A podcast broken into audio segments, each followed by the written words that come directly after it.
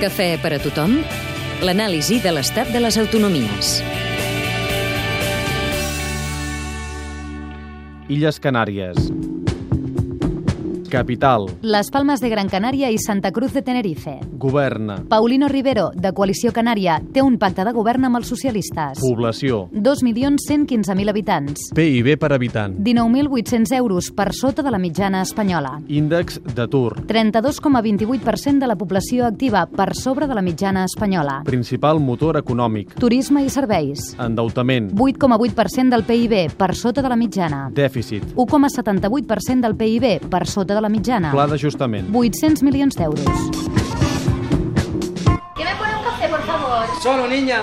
Sí, solo. Vamos, Carlos. Esto es cremita, niña. ¿Cuándo le debo? 70 céntimos de euro. Les Canàries, gràcies a les revoltes al nord d'Àfrica, van batre l'any passat el seu rècord de turistes estrangers, 12 milions, una xifra que contrasta amb l'índex d'atur, només superat pel d'Andalusia.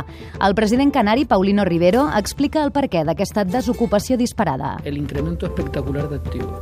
En Canarias seguimos importando muchísima mano de obra de fuera y Canarias no tiene capacidad para generar eh, economía que pueda absorber esa mano de obra. La otra razón es que Canarias, igual que el resto del Estado, tuvo una excesiva dependencia de un sector eh, como el de la construcción. És la taca negra en el digne quadre macroeconòmic de l'arxipèlag, amb el dèficit i el deute a ratlla. Però l'excessiva dependència del turisme és una moneda amb una cara i una creu.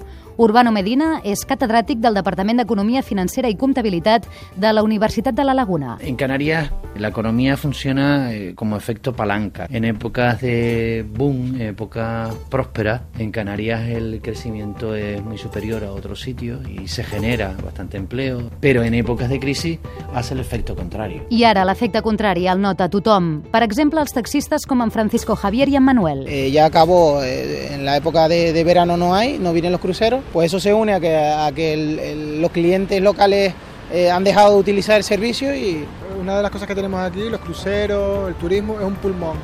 Y es toda una cadena. Desde que se para una cosa, se para todo lo demás. Les Canàries presumeix d'haver començat a fer reformes ja des del 2008. Ara amb el pla d'ajustament vol retallar 800 milions més. 550 sortiran de la despesa pública, amb la reducció dels sous dels treballadors públics. 250 milions més es pretenen aconseguir a través de la recaptació d'impostos.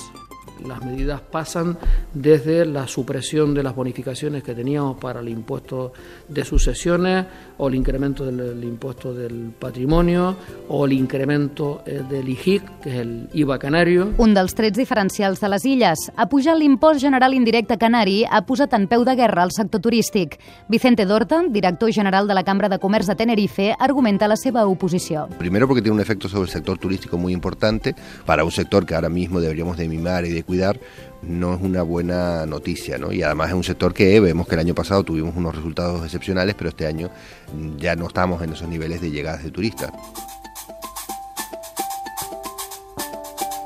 I des de la distància que separa les Canàries de Catalunya, com veuen les reivindicacions catalanes? Desde fuera es, es algo cansino, ¿no? Nos parece agotador el debate continuo e infinito de reivindicaciones y sobre todo que, que no se tenga una visión un poco más global de lo que es eh, pues la sociedad eh, espanyola. Els canaris també se senten diferents i ara, amb la crisi, temen perdre alguna de les seves singularitats. La reducció del finançament que reben per part de l'estat espanyol ha comportat cert malestar a Madrid.